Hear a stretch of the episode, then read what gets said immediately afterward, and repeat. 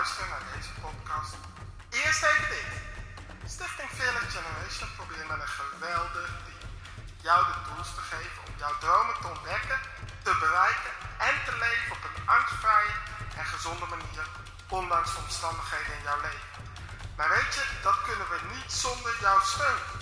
Je kan ons namelijk steunen door mee te bouwen als teamlid, te doneren, maar zeker ook door jezelf te abonneren op deze podcast. Check even uit onze website www.fearlessgeneration.nl als je wilt doneren of teamlid worden. Maar voor nu, abonneer jezelf nu meteen even op deze podcast. En uh, dan wil ik je voor nu bedanken namens het hele team voor het abonneren. En uiteraard geniet van deze geweldige podcast. Oh, what a wonderful day. Day. Oh, what a wonderful day. Oh, what a wonderful day. Weekly devotional, weekly devotional, weekly devotional, help. Weekly devotional, weekly devotional, weekly devotional. Een nieuwe podcast in de podcast, reguliere podcast.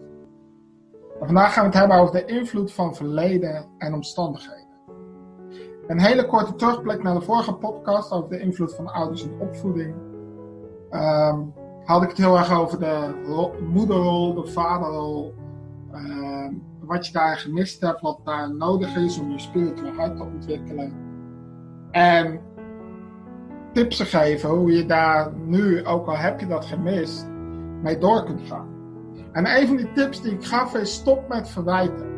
Stop met blamen en shamen, om het in het Engels te zeggen. Stop met, eh, het is mijn vaders schuld, het is mijn moeders schuld en daardoor ben ik wie ik nu ben. En dat, diezelfde houding eh, zie je ook naar mensen die een heftig verleden hebben en geen veroordeling. Ik herken het. Ik, ik heb ook niet een beetje makkelijke leven gehad en nog steeds. Ehm, die heftige omstandigheden hebben meegemaakt, dat de slachtofferrol ehm, past ze heel erg goed. Ze hebben een paar slachtofferschoenen gekocht, waar ze in zijn gestapt. En die zijn door alles wat ze hebben meegemaakt, of dat nou pest is, of dat nou eh, eh, eh, financiële problemen is door anderen, of dat nou ziekte is, of dat nou, maakt niet uit wat het kan zijn. Zijn ze zichzelf, zijn ze, zijn ze anderen, laat ik het zo zeggen, zijn ze anderen gaan blamen van het ligt aan mijn financiële situatie, het ligt aan die ziekte, het ligt aan de mensen die het mij niet gunnen. En daarom hebben ze zichzelf in een gevangenis gezet van, van, van omstandigheden en het verleden die hun vasthouden als een ketting. Eh, misschien ken je dat van vroeger, eh, van plaatjes misschien wel. Had je van, in de gevangenis zat, had je zo'n grote bal. Een hele zware bal. En er zat een ketting aan en die werd dan om je, eh, eh, om je enkel gedaan. Een soort enkelband, maar de ouderwetse versie. En heel veel mensen vandaag de dag, die lopen met een enkelband. En die bal die symboliseert het verleden, symboliseert de omstandigheden die ze hebben meegemaakt. En dat maakt dat ze niet tot volle ontplooiing kunnen komen en kunnen worden wie ze nou daadwerkelijk zijn. Eh, omdat ze ervoor kiezen om die bal om hun enkel te laten zijn. Want weet je wat het is? De sleutel van die bal, die heb jij. Dus je hebt jezelf op slot gezet. En ik hoop je in deze aflevering wat tips te geven hoe je die bal los kunt laten. En wat voor invloed dat eh, gaat hebben op jouw leven. En op hoe jij je voelt, hoe je denkt, hoe je, hoe je bent. Maar ook wat de verdere gevolgen zijn als je verkiest om die bal niet los te maken van jezelf. En de eerste statement die ik eigenlijk wil maken is: jij bent niet je verleden en jij bent niet je omstandigheden. Verleden en omstandigheden zijn zaken die jou overkomen zijn, maar jij bent het niet. Het kan je vormen. En als je het goed doet, en als jij niet meer de slachtoffer bent, dan vormt het jou op een positieve manier. Op zo'n manier dat je misschien net als ik kan zeggen van, ehm, ik heb heel veel meegemaakt. eh, van pesten tot afwijzing tot eh, oplichting op, financiële manier. eh, voor, voor x aantal tonnen toen ik 18 was, tot negativiteit op het internet, tot nou, you name it. En weet je wat het, ehm, wat het grappige is, wat ik nu kan zeggen, eigenlijk al een paar jaar, dat ik dankbaar ben voor mijn verleden. En dat is niet omdat ik dankbaar ben voor hoe het me beschadigd heeft of weet ik veel, maar omdat ik nu eh, op een punt ben gekomen in mijn leven dat ik de positieve dingen die me eh, gevormd hebben tot de sterke man die ik nu ben, de- die, die anderen kan inspireren, die, die, die kennis heeft en ervaring heeft, eh, die heb ik meegenomen. En ik heb de negatieve dingen heb ik weggetrapt van mezelf. En ik wil dat jij daar ook komt. Laat niet de negatieve dingen jou vormen tot wie jij niet bent. Maar gebruik de positieve dingen uit de dingen die je hebt meegemaakt om te worden wie je daadwerkelijk bent. Dus, en dan, dat begint bij de overslag te maken van de slachtofferschoenen naar de heerserschoenen. Begin je te beseffen dat allereerst jij bent verantwoordelijk voor jouw leven. Niet je ouders. Daar hadden we het vorige aflevering over. Niet je moeder, niet je vader, niet je broertjes, niet je zusjes, niet je vrienden, niet je familie, niet je eh, werkgever of je baas. Maar jij. En begin dat te beseffen. Te op het moment dat je namelijk de slachtofferschoenen aan hebt, dan heb jij diep van binnen ook de overtuiging dat een ander verantwoordelijk is voor jouw welzijn. En in de volgende aflevering gaan we daar wat dieper op in over de ego van de mens. Maar het enige wat ik daarover wil zeggen is dat ieder mens, hoe hard het misschien ook klinkt, en dit klinkt misschien niet heel liefdevol, maar daarvoor luister de volgende aflevering ook echt. Het doet de dingen toch ook een beetje voor zichzelf. En dat is niet meteen fout. Als je doorslaat, word je egoïst. Maar egocentrisme is niet meteen iets verkeerds. Volgende aflevering ga ik daar veel dieper op in. Maar mijn punt hierin is: besef je dat op het moment dat jij jouw leven in de handen legt van iemand anders, als jouw leven die ander niet kan dienen, niet kan helpen, dan zullen ze daar niet in investeren om jou tot bloei te brengen. Er zijn maar weinigen, misschien wel geen, maar weinigen op aarde die dat wel doen. Belangeloos handelen is bijna onmogelijk. Dat betekent dus dat als jij niet verantwoordelijk wordt voor je eigen leven en dat inziet, zul je ook niet succesvol, gelukkig kunnen zijn. Dus je moet je verantwoordelijkheid pakken. Hoe jong, hoe oud je bent, trap die slachtofferschoenen uit. Mijn moeder zei vroeger altijd, en eh, degene die de podcast altijd te luisteren weten dat ik vaak met de wijsheid van mijn moeder kom. Eh, omdat ik van mijn moeder het meeste heb geleerd. Dat is de beste mentor die ik heb gehad. En mijn moeder zei altijd, ik heb geen medelijden met anderen, want ik heb het niet eens met mezelf. Dat je zelfmedelijden voelt misschien heel comfortabel en heel cozy. Maar zelfmedelijden is de grootste ziekte die jou verhindert om tot je bestemming te komen. Om te kunnen worden wie je bent.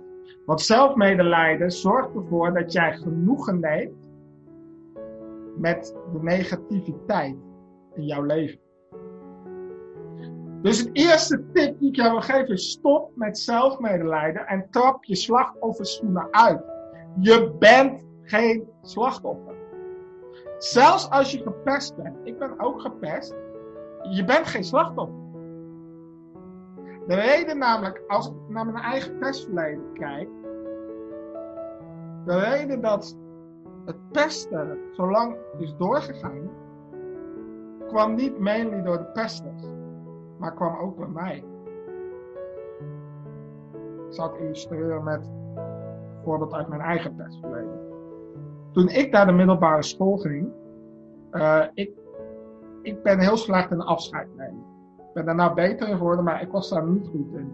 En de basisschooltijd, van 5 tot met 8 op de school waar ik zat, was de beste tijd uit mijn leven.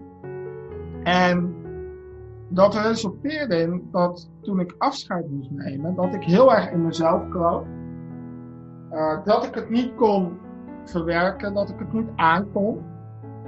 En waar ik best wel een druk, energiek, uh, stoer jongetje, machootje kan zijn.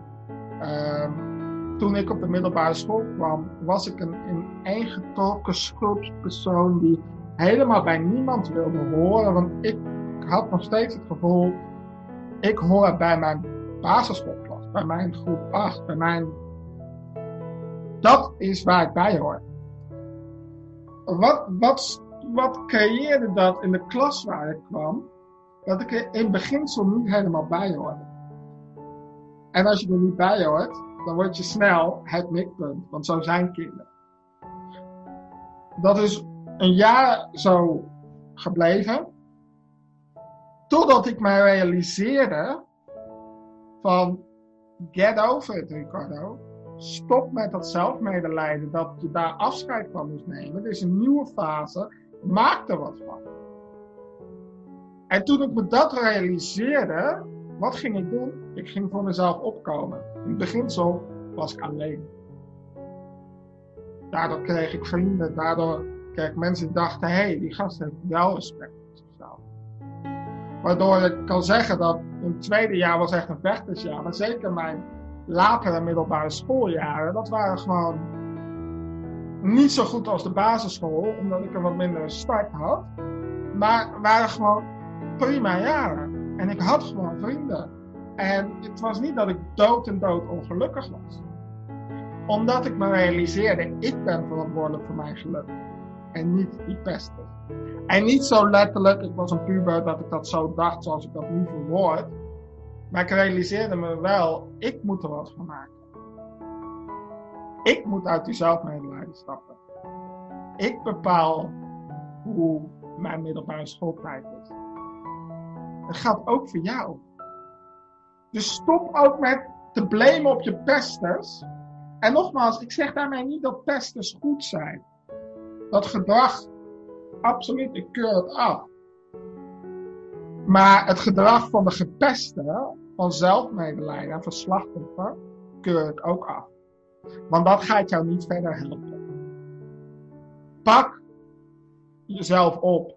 Of je nou op je werk, op school, waar dan ook. Bijvoorbeeld gepest wordt.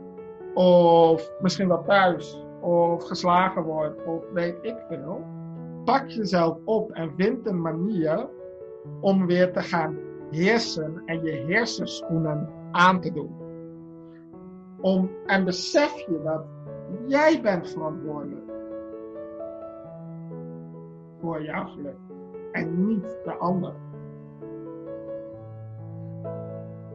En behalve dat te beseffen, om, de, om over die invloed heen te komen, om dat te turnen, zit er een stukje van begin met uitspreken. En dit klinkt misschien heel cheesy en heel simpel en heel goedkoop en heel, ja, maar dat ga ik niet doen, Ricardo.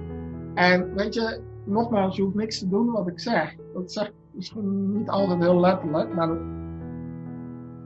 uh, dat moet je zelf weten, want jij bent verantwoordelijk voor je eigen leven. Maar er zit kracht in de woorden die je uitspreekt.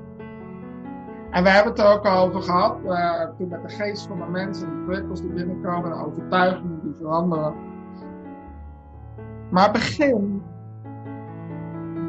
woorden tegenover de negativiteit te zetten in jouw omgeving, die misschien zelfs al in je hoofd. Begin andere woorden over jezelf te spreken. Stop, alsjeblieft, ik smeek het je bijna. Stop met jezelf de grond in praten. Het gaat je niet helpen. Je creëert een self-fulfilling prophecy. Wat is nou een self-fulfilling prophecy? Dat is dat jij, jij gelooft dat je het niet kan. Laat ik het anders zeggen. Jij zegt dat je het niet kan, of eerst zegt iemand anders dat je het niet kan, dan ga je het zelf ook zeggen. dat wordt een overtuiging. Maar uit, dat, uit die overtuiging komt ook een emotie van angst, bijvoorbeeld. En dan je passiviteit, waardoor je het niet eens probeert en dat bevestigt dat je het niet kan. Terwijl je self-fulfilling prophecy ook ten voordele kan gebruiken. Begin te zeggen dat je iets wel kan. Begin te zeggen, dit ga ik doen. Dit is waar ik voor gemaakt ben. En joh, ik wil bijna zeggen, ga drie keer per dag voor de spiegel staan en het tegen jezelf zeggen. En nogmaals, dit klinkt heel cheesy. En misschien heb je het vaker gehoord. Maar geloof me, dit werkt. Zoek mensen om je heen die hetzelfde zeggen en die dezelfde houding hebben. Vraag aan je vrienden van luister, ik wil graag dit doen, maar ik merk dat ik nog een over, negatieve overtuiging heb. Wil je me ondersteunen om het positieve te zeggen, zodat ik dit kan gaan doen? En die mensen die gaan dan ook datzelfde zeggen. En dat wordt sterker. Die overtuiging die wordt veel sterker dan die oude overtuiging. Die gaat het vervangen. En dan creëert er opeens een emotie die je in beweging gaat zetten van... ehm nou, dat is ook een emotie die hierbij past. Nou, laten we, ja, dapperheid. Ehm kijk hoor. Enthousiasme misschien. Of, of, of vindingrijkheid. Of, nou, noem het maar op. Laat het enthousiast houden. Passie. Gepassioneerd. Dat wordt zo. Dan zorg dat er een emotie van passie ontstaat. Dat valt onder blij. Waardoor je lichaam denkt, yes, we gotta do this. En opeens ga je ook zien dat je kan. Weet je, ik speel heel goed gitaar en mensen zeggen dat ik talent heb. Maar wist jij dat toen ik zeven was, heb ik gitaarles gevolgd een half jaar. En weet je wat mijn gitaardocent zei? Ik ben het nooit vergeten. Die zei, stop hiermee, je zult dit nooit leren. En mensen die mijn moeder kennen, mogen aan mijn moeder vragen. Joh, ik heb me kapot geoefend, omdat ik zoiets had, nee, ik ga dit wel leren. En ik heb geoefend. Soms, ik kan me nog herinneren dat ik soms op de zolder zat en mijn moeder zei, ach, ik kan dat nu echt niet stopteken. En dat ik gewoon doorging. Omdat ik zoiets had, nee, dit ga ik doen. En op een gegeven ogenblik kon ik het ook. Kon ik, uh, ze noemen dat barré-akkoorden, die, die, waar je vingers ver uit elkaar moeten. En speelde ik in de kerkband. Niet alleen gitaar, ik speel nu ook piano, ik speel bas. Ik kan zelfs een beetje drummen. Heb ik op het podium gestaan om worship te leiden of, of, of, te zingen en gitaar te spelen. Piano en gitaar te spelen. En zeggen mensen, voor je hebt talent. Maar als ik had jezelf medelijden had blijven zitten bij die opmerking die tegen me werd gemaakt door de gitaardocent. Die me echt wel geraakt heeft. Had ik dat talent niet. Dit is self-fulfilling prophecy op de positieve manier. En dat geldt natuurlijk in jouw leven ook. Dus begin anders te praten. Woorden hebben kracht, mensen. Ik bedoel, als we het voorbeeld van pesten nemen, dat is dan een negatieve variant. Dat is ook, waarom is pesten zoiets heftigs? Dat is niet het pestgedrag, maar dat zijn de woorden. Omdat woorden hebben kracht. Als jij constant over jezelf gaat uitspreken. Ik zou wel doodgaan voor mijn 35ste. Ik wil niks zeggen, maar de kans dat je doodgaat voor je 35ste is heel groot. Waarom? Omdat je een leven gaat leiden, een gedrag gaat vertonen, die ondersteunt die gedachte, die overtuiging. Jouw gedrag vormt zich naar je overtuigingen. Als jij zegt, mijn hele familie heeft kanker gekregen, ik ga ook kanker krijgen, dan ga je, en dat wordt een overtuiging in je hoofd, omdat je het zo vaak gezegd hebt, dan ga je gedrag vertonen die helpend is bij die overtuiging. En dit is allemaal onbewust. Er is namelijk niemand die bewust gedrag gaat vertonen om kanker te krijgen. Of voor zijn 35e dood te gaan. Maar dit is wel wat we doen. Want jouw woorden die jij zegt, omdat het jouw woorden zijn, zou jouw lichaam altijd doorlaten als veilige prikkel. En daar gaat je geest mee aan de slag. Waarom? Omdat jij ze zegt. Jouw woorden hebben het meeste effect op jou van allemaal. Nog meer dan je verleden en je omstandigheden. Dus praat niet je verleden en omstandigheden na. Want dat is wat heel veel mensen doen. Dat is namelijk de invloed, de negatieve invloed die verleden en omstandigheden kunnen hebben. Dat jij je omstandigheden, je verleden gaat echoen, gaat napraten. Ja, ik ben opgelegd door financiële problemen. Dat is een, eh, een omstandigheid. Maar wat gaan heel veel mensen doen? Ja, nee, ik heb geen geld, ik kom er nooit meer uit. De kans dat je geen geld meer hebt en er nooit meer uitkomt, is hartstikke groot. Omdat jij je verleden na-echoot. Wees je bewust van wat je uitspreekt. Ook als je alleen bent. Want dit geldt niet alleen in gesprekken. Woorden zijn namelijk in eerste instantie niet gemaakt om te communiceren. Maar die zijn in eerste instantie gemaakt om te creëren. Woorden zijn niet gemaakt om te communiceren in eerste instantie. Het is heel mooi dat we kunnen. Maar woorden zijn eerst gemaakt om te creëren. Je creëert iets met de woorden die je zegt. Dus, en dat start, en dat, is de laatste tip die ik je mee ga geven. Dat start bij je visie. Visie is zicht. Is je kijk op dingen. Hoe zie jij nou eigenlijk jouw omstandigheden? Hoe zie jij je verleden? Zie je ze als een reus die onoverwinnelijk is? Of zie je ze als een mier waar je zo op kan staan en het is weg? Jouw visie, jouw kijk op, op jouw omstandigheden in jouw verleden bepaalt ook de woorden die je uitspreekt. En als jij het ziet als een reus, dan zou ik zeggen, ga eens op een berg staan en kijk er nog een keer naar die reus. Kijk boven je omstandigheden heen naar jouw missie. Want jouw missie is altijd groter dan jouw omstandigheden. Het is groter dan jou. Je ligt namelijk op een berg, spreekwoordelijk gezien.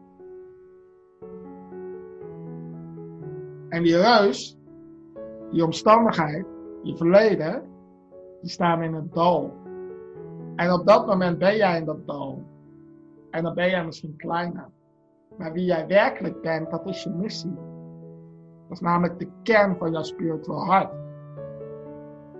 En die ligt op een berg. En die is dus veel groter dan welke omstandigheid je hebt meegemaakt nu meemaakt. We eindigen met een verhaal. Sommigen weten het misschien, ik, ben gelovig. En er staat een heel mooi verhaal in de Bijbel. En je hoeft niet te geloven in de Bijbel om hier een les uit te leren. Er was een jongetje en uh, het jongetje had best uh, veel meegemaakt. Dat jongetje dat uh, zou koning worden. Zou de nieuwe Willem-Alexander van het land worden. maar toen hij uitgekozen moest worden, toen kwam de persoon die moest uitkiezen naar hem toe naar zijn vader toe en uh, die vroeg, uh, mag ik je zoon zien?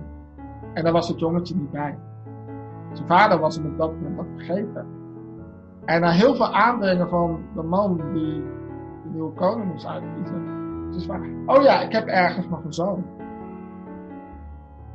Hij moest op de schapen letten. Eindelijk werd hij dus gekozen tot koning, maar hij was niet meteen de nieuwe koning, want er was al een koning. Op een moment zegt zijn vader, er was oorlog in dat land en zijn broers moesten gaan vechten. Ga eten brengen naar je broers. En dat jongetje gaat eten brengen en ook hier zie je weer, weer opnieuw afwijzing bij zijn vader is maar afwezen. Hij komt iets liefdevols doen aan zijn broers. En weet je wat zijn broers zeiden? Gast, wat doe je hier? Wat toch op man? Dit jongetje was heel vaak alleen. Was heel vaak alleen, hij moest op de schapen letten, schaapherder. En zijn broers moesten hem eigenlijk niet. Zelfs zijn vader liet hem een beetje links liggen. Zag hem toch als minder. Ik zeg niet dat zijn vader niet van hem hield. En daar waar zijn broers hem afwezen. En waar dus ook wel de vaderlijke afwijzing had gehad. Vroeg hij wat gebeurt hier? En bij de vijand was er een man, drie meter lang was er een reus. Wat bedoel je een probleem? Het jongetje was een tiener. Misschien een jaar of, wat zou het zijn geweest? 18, 19, 17. Einde van zijn tienerjaren. En hij zei van luister, waarom zijn jullie zo bang? Wat is het probleem? Ja, de reus dit dat. Het jongetje ging naar de koning toe. Hij zegt, waarom doe je niks tegen? De koning zei, ja, ik durf niet. Het jongetje zegt, ik ga het wel doen.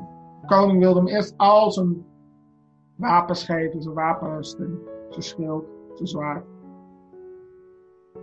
Maar het jongetje kon er niet in lopen, want het was niet zijn toolpakket.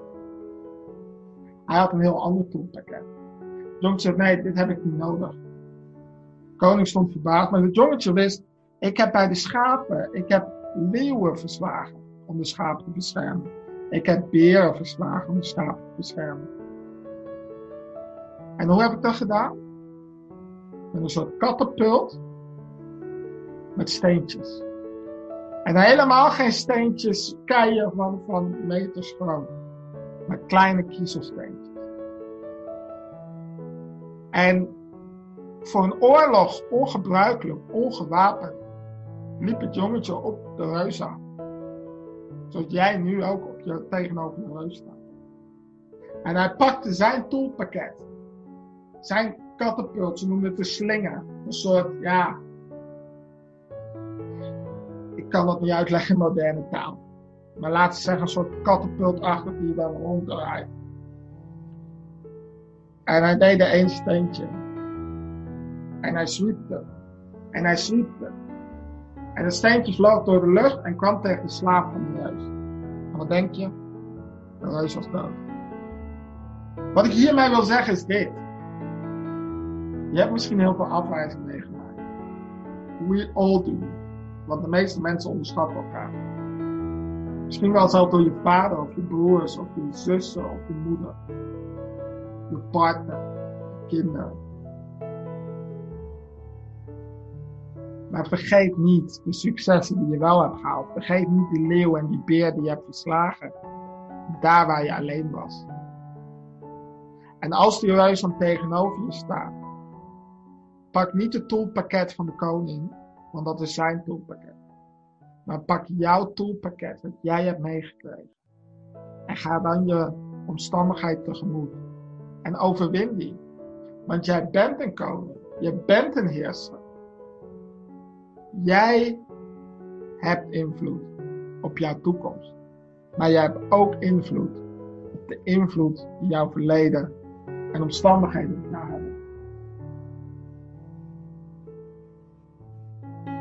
ga afsluiten met deze vraag.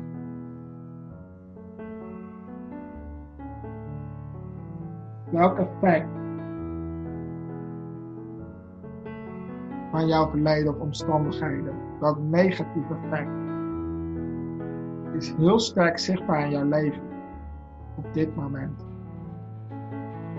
En wat kan jij doen om dat te veranderen? Deze podcast is geproduceerd door Fearless Generation. We hebben geprobeerd om alle rechthebbenden te benoemen in deze aflevering. Wil je meer content zien, lezen of horen? Of wil je contact opnemen? Dat kan via fearlessgeneration.nl. Dat is fearlessgeneration.nl.